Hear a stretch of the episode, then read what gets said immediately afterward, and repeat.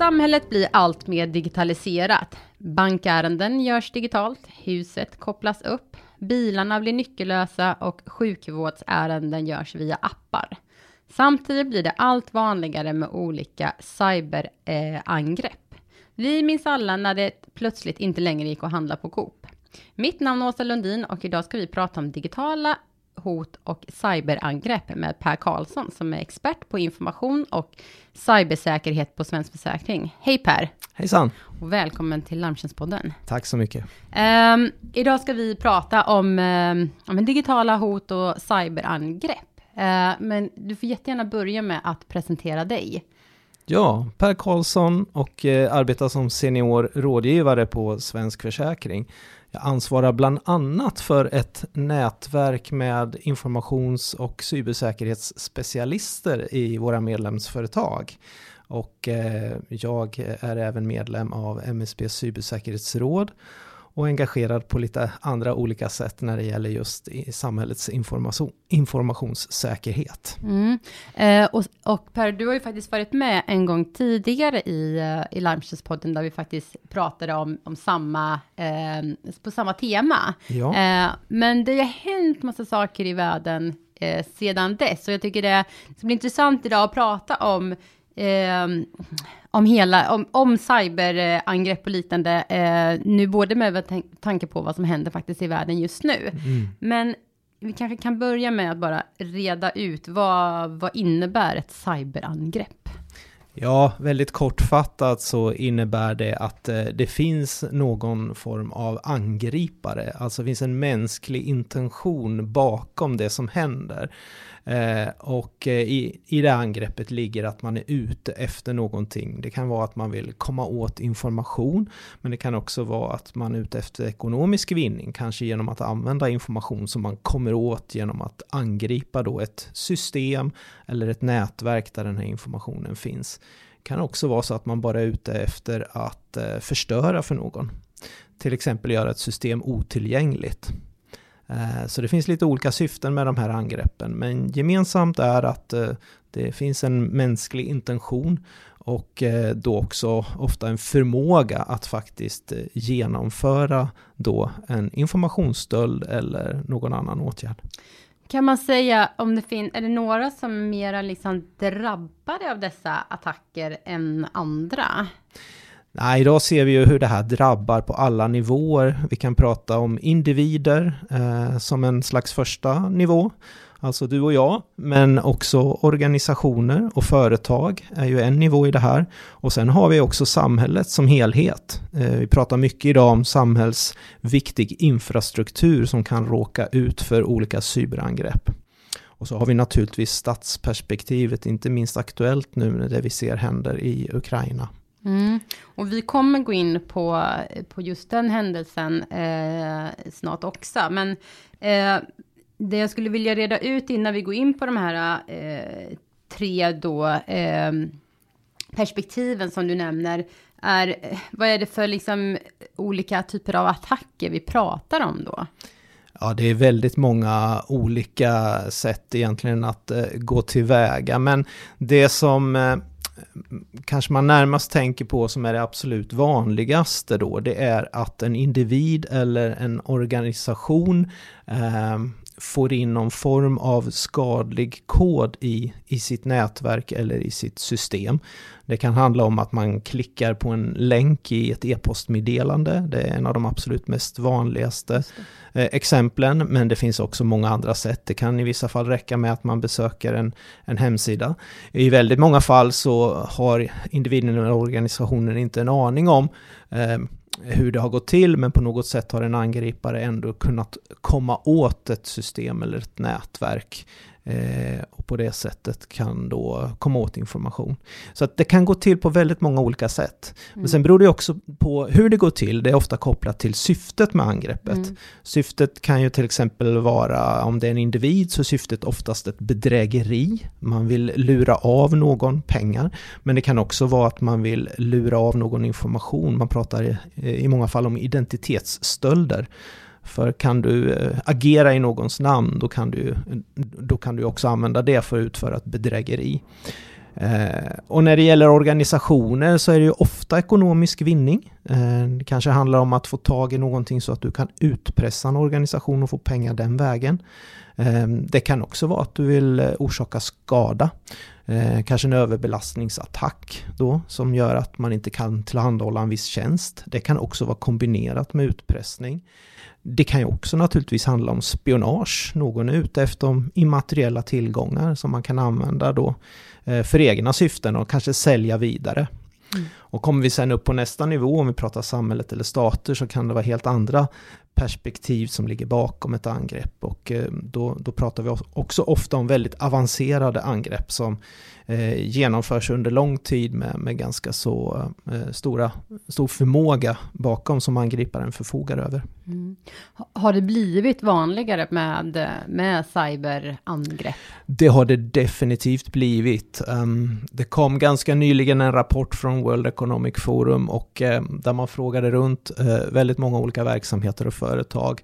Och eh, under bara förra året så var det 40% av alla tillfrågade som sa att de hade råkat ut för någon cyberincident då under förra året.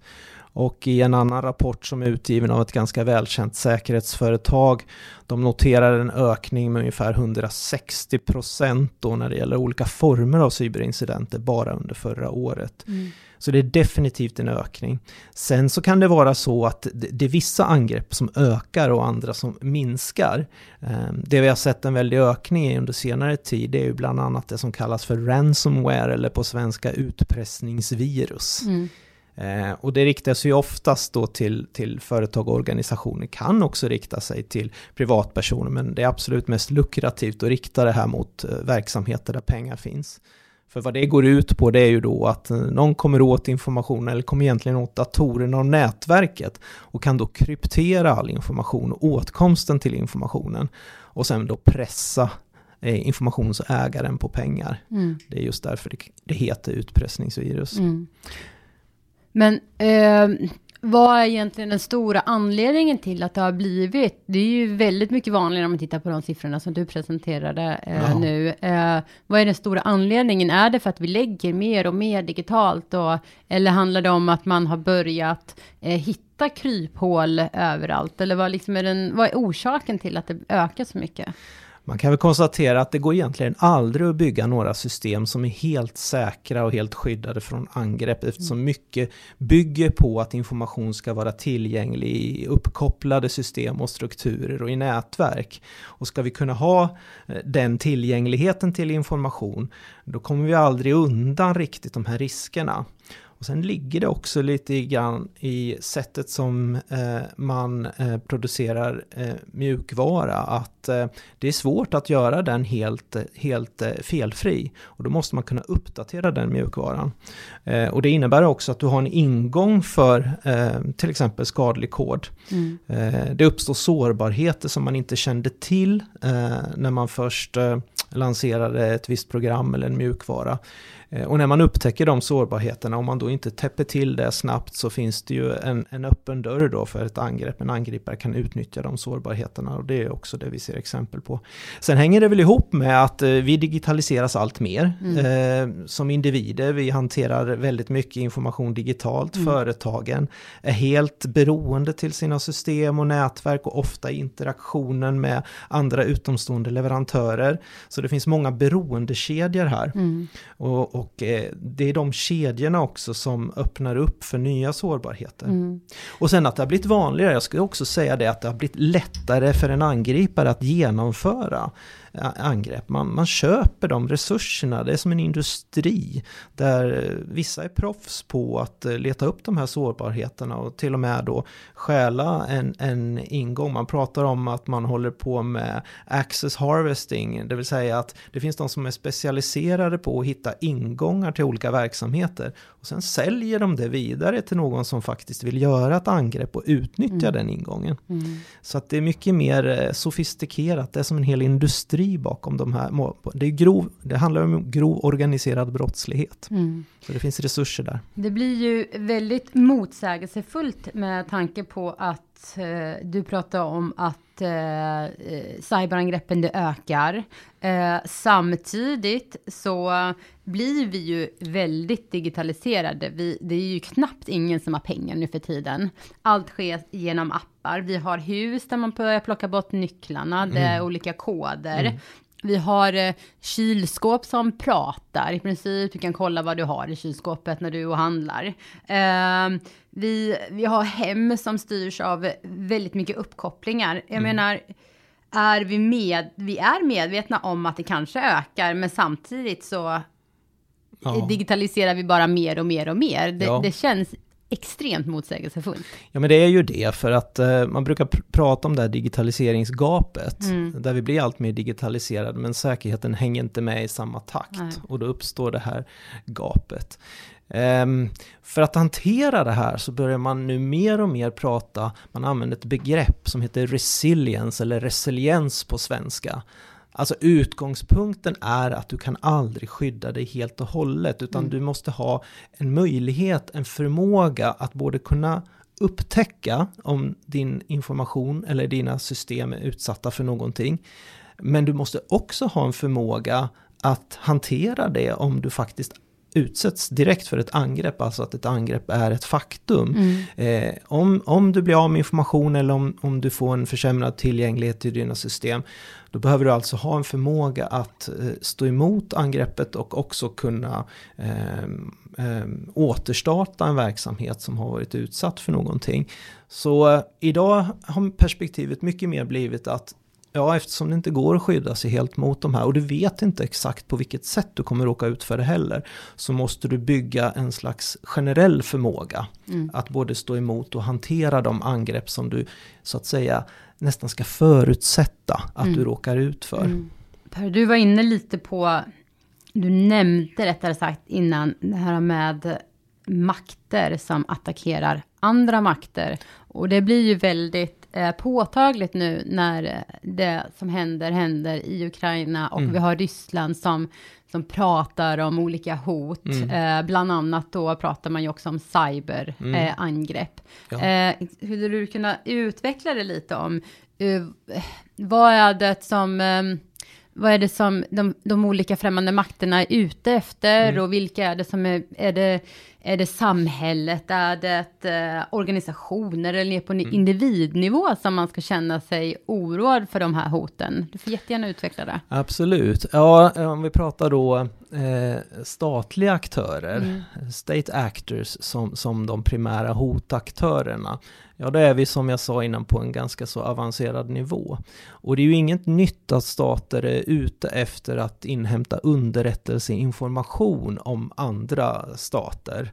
Eh, och det finns ju olika syften bakom det. Um, men eh, det vi ser nu allt mer också, det är ju det som kallas för cyber warfare. Uh, och, och, det ju, börjar nu bli en del av konventionell krigföring egentligen. Att uh, man, man, man utkämpar ett krig i, i cyberspace. Och det innebär ju att uh, du kan både i förberedande syfte och som en del av en krigföring använda cyberangrepp för att slå ut då Eh, förmågan hos eh, ett annat land eller hos en motståndare. Det har vi ju då sett nu här med Ukraina att eh, redan innan Ryssland invaderade Ukraina så utsattes ju både banker och myndigheter i Ukraina för den här typen av tillgänglighetsattacker. Men också attacker där ryska intressen försökte då få kontroll över vissa informationstillgångar som var, var kritiska för den ukrainska försvarsmakten.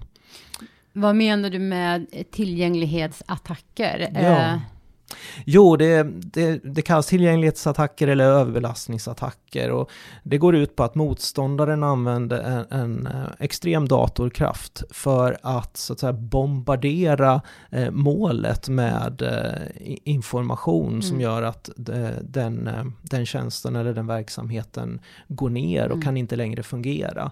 Det har vi väl kanske mest sett mot eh, banker, eh, men det förekommer ju också eh, mot andra verksamheter. Och det var väldigt tydligt här hur, hur det föregick invasionen också mm. mot Ukraina. Och sen ser vi också hur de här cyberangreppen fortsätter. Eh, de är ju en del av krigföringen, inte minst när det gäller att eh, försöka få ut eh, ett visst budskap och se till att motståndaren inte får ut sitt budskap. Alltså vi pratar informationskrigföring. Mm eh, som har blivit allt viktigare. Eh, vems lägesbild är det så att säga som eh, blir förhärskande? Mm. För det kan ju avgöra också ehm, eh, sen hur, hur, hur, eh, ett krig utvecklas helt enkelt. Mm. Så det här har ju blivit allt viktigare och vi ser ju nu hur när man pratar om att man ska bygga totalförsvars bygga totalförsvaret och försvarsförmåga så satsar länder idag eh, otroliga resurser just mm. på att bli bättre på, på cyber warfare och cyber defense. Mm. Så att eh, nu utbildas också, nu inom den svenska försvarsmakten så har man nu specialistutbildningar i detta mm. och, och, bygger en del um, det blir en del alltså av Försvarsmaktens förmåga att kunna både identifiera och stå emot angrepp, cyberangrepp, men också kunna slå tillbaka aktivt mot en fiende. Mm. Så här, nu rör vi oss då i det, i det mm. övre skiktet av hotskalan, men vi, vi, ser hur, hur, hur det här används över hela mm. hotskalan mm. eh, på nya och ganska avancerade sätt. Så nu när till exempel då Ryssland går ut och um och pratar om cyberangrepp, det är lite åt de, de, de hållen som det kan innebära. Till exempel här du pratar om överbelastning och, och, och liknande. Jag tänk, tänker även, eh, kan det vara möjligt att man gör cyberangrepp? Jag tänker på sjukhus som är så uppkopplade med olika maskiner eh, mm. och liknande. Är det också mm. saker man skulle kunna göra olika angrepp på att helt plötsligt så fungerar inte den maskinella eh, sakerna som finns på ett sjukhus och det skulle ju vara förödande kon eh, konsekvenser. Ja, det kan man inte utesluta. Eh, sen inom hälsosektorn, det vi kanske mest har sett där då, det är just eh, där syftet har varit utpressning. Mm, okay. eh, som riktas mot alla möjliga slags mm. verksamheter. Um, men det kan naturligtvis inte uteslutas. Det, det, kommer naturligtvis alltid med en kostnad, så en angripare funderar ju på vad, vad det är man vill uppnå. Mm. Man pratar om att man måste både, det räcker inte med intent, man måste ha förmåga också. Uh, och sen är det ju ett visst antal resurser som man har till sitt förfogande, så det är klart man slår uh, i den riktning där man får mest effekt. Mm. Um. Um, om vi lämnar uh, den här, eh, attacker som främmande makter gör och prata lite om det som skedde förra sommaren som jag tror att de flesta blev berörda av, eller väldigt många mm. blev berörda av. Och då menar jag såklart eh, Coop, där kassorna helt plötsligt slutade fungera. Eh, det är ju ett väldigt tydligt exempel där jag tror att väldigt många eh, blev eh, eh Eh, varse om att det faktiskt pågår eh, cyberangrepp. Eh, skulle du kunna berätta lite om vad det var som hände då? Mm. Det här var ju alldeles i början på juli då i somras som eh, Coop upptäckte att man fick eh, problem med sina kassasystem. Ehm, helt enkelt att de inte längre fungerade. Eh, och det visar ju sig sen då att eh, det var ju inte Coop som själva direkt hade blivit utsatta för ett angrepp utan eh, det var ju en, en programvara som användes av en av deras underleverantörer som tillhandahöll den här mm. kassatjänsten åt Coop. Ehm, och den här eh, aktuella programvaran, det var ett företag som heter Kaseya. Eh, och det visade sig att det drabbade sammanlagt eh, runt 40 000 företag worldwide som på något sätt använde sig av just den här programvaran. Eh, och eh, det var helt enkelt så att en angripare hade upptäckt och kommit åt en sårbarhet i den här programvaran. Och den här typen av attack det kallar man för supply chain. Eh, och det är också en form av angrepp som vi har sett blivit allt eh, vanligare då på senare tid. Det vill säga att det är någon, någon underleverantör, eh, någon form av programvara i ett underleverantörsled eh, som har en sårbarhet som angriparen utnyttjar. Och det gör ju då att alla de tjänsterna som använder den här programvaran eh, blir påverkade. Mm. Uh, och i det här fallet så fanns det ju inget uh, annat system som man skulle liksom kunna uh, snabbt rigga och börja använda istället för till exempel Coop och säkert för många andra aktörer. Så att då blev det alldeles uppenbart hur beroende man var av just den här programvaran och den här tjänsten och att den fungerade som förväntat. Och därför blev det ju också ett, ett ganska stort avbräck, ett stort jobb med att komma tillbaka med verksamheterna. Man fick satsa väldigt mycket resurser på att eh, så att säga koppla bort eh, de här systemen och, eh, och återstarta olika system och få igång verksamheten igen. Vad var syftet med, med just den här attacken? Det här var utpressning också. Ja. Så att det, det, här med supply chain, eh, det är ett sätt eh, för att eh, så att säga göra en ransomware-attack. Mm. Så att angriparen i fråga här var ju ute efter att, att utpressa och alltså ett ekonomiskt syfte bakom. Så det var ju inte att man Eh, man var inte ute efter att förstöra som så, va, utan man var ju ute efter eh, ekonomisk vinning. Mm. Du nämnde ett annat exempel eh, precis här innan också, som ni gärna mm. får berätta. Ja, det var Kalix kommun som ju eh, här för några månader sedan eh, råkade ut för ett ransomware-angrepp också. Mm. Eh, och det visar ju att det kan ju drabba inte bara kommersiella verksamheter utan det kan drabba även andra verksamheter. Eh, ska ha klart för sig att en angripare går ju på ofta de lägst hängande frukterna, det vill säga att eh, kommer man åt någon eh, med så säga, en tillräcklig insats, då är man beredd att slå till då. Mm. Eh, och är det en aktör som man tror att man kan pressa på pengar, ja då, då, då, då försöker man göra det då. Eh, sen är det ju som så att eh, rättsvårdande myndighet, polis eh, eh och, och alla andra som är insatta i det här menar ju att man ska absolut inte betala den här typen av lösensummor. För det är ju i praktiken att finansiera den här typen av brottslighet. Mm. Eh, och det kan ju också vara ett brott mot penningtvättlagen. Så att, eh, att, de, att det fortsätter eh, beror tyvärr på att ändå många är beredda att betala. Mm. Kanske inte så svårt att förstå, eh, kan vara små och medelstora verksamheter som är helt beroende av tillgång till kundinformation eller vad det nu kan vara som eh, man inte längre kommer åt. Mm. Eh, så det kan stå mellan att betala eller, eller att eh, helt så att säga upphöra med verksamheten. Mm. Men eh, i de allra flesta fall så, så vet man också att eh, det visar sig, det är inte säkert att man får tillbaka sin information eller tillgången till systemen, även om man betalar de här utpressarna. Så man kan också säga det att eh, av de angreppen som man kände till, så finns det säkert väldigt många angrepp som har gjorts som vi inte kände till. För att, så är det. Ja. Så är det helt klart. Eh, det finns ett stort mörkertal här.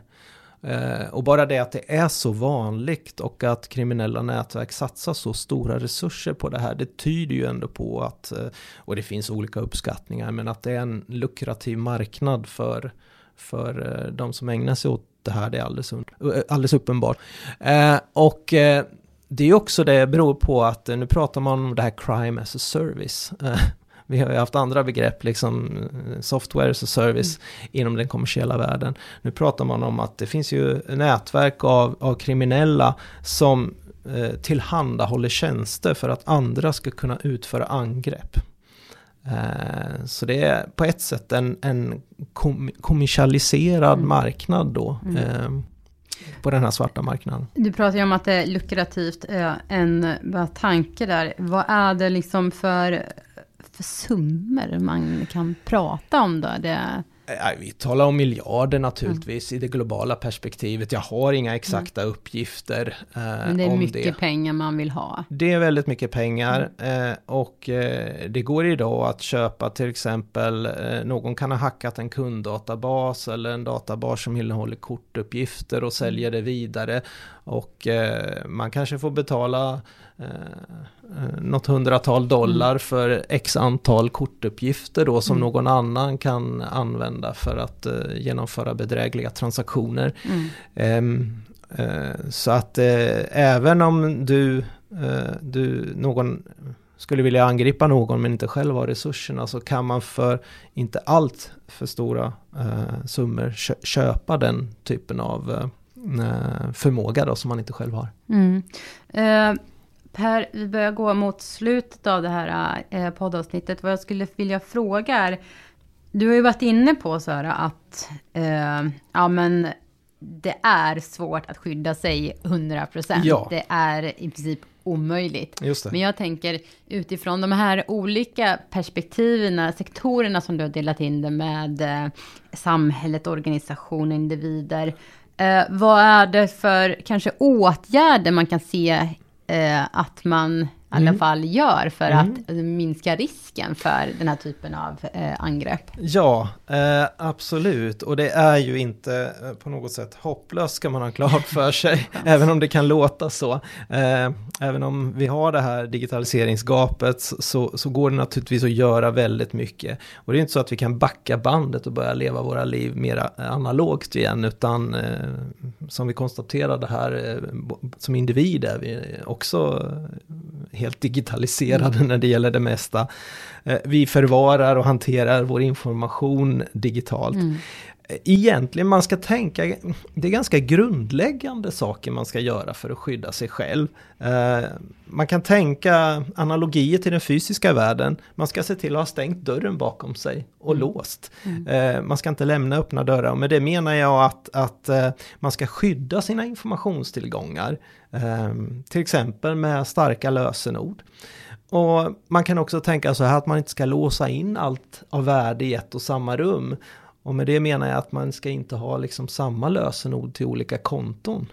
Och man ska hålla isär sin information. Jag tycker inte man ska blanda ihop den information man hanterar i sitt arbete med den informationen man hanterar privat. Mm. Eh, och sen ska man naturligtvis det, det, det finns ett behov också av att informera och utbilda för att det är ganska lätt att avslöja de enkla bedrägeritricksen. Eh, inte alla, men jag skulle säga att man kan avslöja de allra flesta bedrägeritricken och jag, jag skulle tro att de allra flesta av oss har fått den här typen av mail med något slags erbjudande om någonting som Mm. faktiskt är alldeles för bra för att vara sant. Mm. Och då är det faktiskt det också och då, då är det ju någon annan intention bakom det här. Om man ska tänka på i vilka sammanhang som man eh, publicerar eller delar sin information om man är aktiv på sociala medier. Man ska fundera på vilken eh, tillgång man ger appar. Eh, vilken information ska apparna som man använder egentligen be- behöver egentligen ha tillgång till.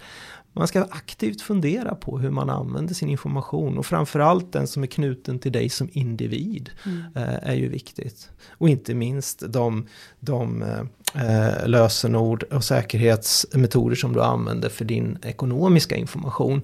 Eh, och så ska man ju då gärna också skydda, man ska inte bara nöja sig med användarnamn och lösenord, utan har man tillgång till eh, det här som kallas för multifaktor, eh, säkerhetslösningar, så ska man använda det i synnerhet om det är värdefull information. Och precis samma sak gäller egentligen organisationer. Mm. Men där kommer man ju på en annan nivå. För som individ kanske du inte har informationen i ett nätverk utspritt på det sättet. Även om det kan förekomma. Men det har du ju oftast som organisation eller, Mm. eller eh, företag. Och då kommer du upp på en annan nivå. Och då handlar det om att ha ett systematiskt och målmedvetet informationssäkerhetsarbete. Och det finns många bra standarder som man kan utgå ifrån för att få ett, ett riktigt bra skydd. Men som jag var inne på lite grann här inledningsvis. Nu pågår det en utveckling att vi tänker att man inte bara kan bygga ett skydd och sen slå sig till ro och tro att man inte kommer bli utsatt för det här. Utan man måste också kunna ha en medvetenhet och aktivt bygga förmåga att hantera angrepp som man blir utsatt för.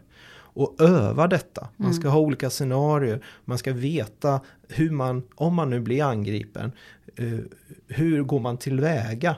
Det handlar inte bara om tekniska åtgärder utan det handlar om att ha en medveten krisorganisation som man har övat också. Mm. Och pratar vi samhället, ja då kommer vi ju naturligtvis upp ytterligare en nivå här. Mm.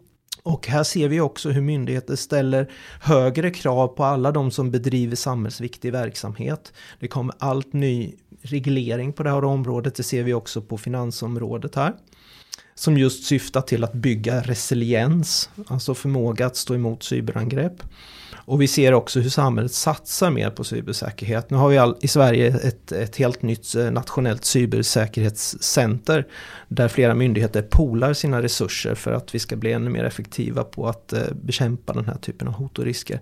Så det finns mycket man kan göra på alla nivåer. Mm. Per, jag tänkte på eh, när du var inne på individnivån, om, och det är ganska basala saker som Ja. du nämnde om med lösenord och inte samla allting på ett och samma ställe och, och sådär.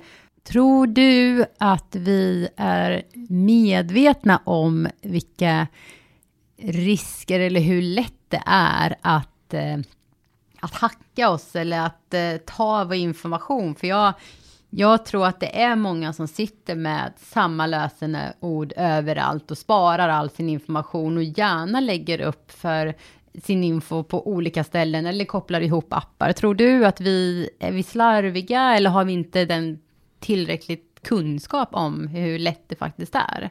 Ja, det är en väldigt bra fråga. Tyvärr är vi inte tillräckligt medvetna och det kanske ligger lite grann i den mänskliga naturen. Mm. Uh, tyvärr ska jag säga.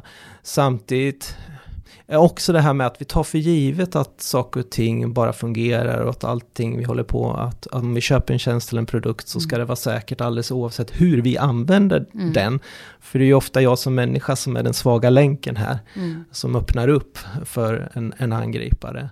Eh, jag tror att vi behöver naturligtvis mer av information och utbildning. Eh, men jag är inte så säker på att det räcker hela vägen, utan ty tyvärr kommer vi fortsätta att se hur både individer och företag drabbas. Mm. Eh, och eh, då är det också viktigt att vi har ett samhälle som tillräckligt kraftfullt slå tillbaka mot den här typen av brottslighet. Mm.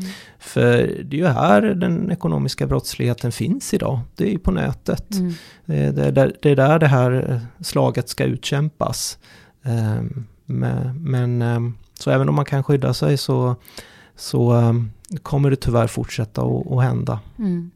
Per, eh, innan vi avslutar, eh, är det någonting som du skulle vilja tillägga som du, inte, som du tycker är värt att nämna eller som vi mm. inte riktigt har, har pratat om? Ja, men jag tycker, när vi nu var inne på det, vad kan man som individ göra, så skulle jag välja bara slå ett slag för att det finns många bra informationstjänster där man kan lära sig mer om det här. Mm. Jag skulle vilja tipsa om två. Dels Internetstiftelsen som eh, har väldigt mycket bra information om när det handlar om hur vi använder nätet och vilka risker det innebär. Och sen även eh, Stöldskyddsföreningen som har mycket praktisk information om hur man ska undvika digitala brott och bedrägerier. Mm. Tack så mycket Per. Eh, ni har hört Larmtjänstpodden som är en podd från Larmtjänst som är en branschorganisation för sakförsäkringsbolagen med syfte att bekämpa försäkringsrelaterad brottslighet. Dagens gäst var Per Karlsson och jag heter Åsa Lundin. Dela gärna podden i era sociala kanaler så tackar jag för att ni lyssnade och hoppas att vi hörs igen. Tack!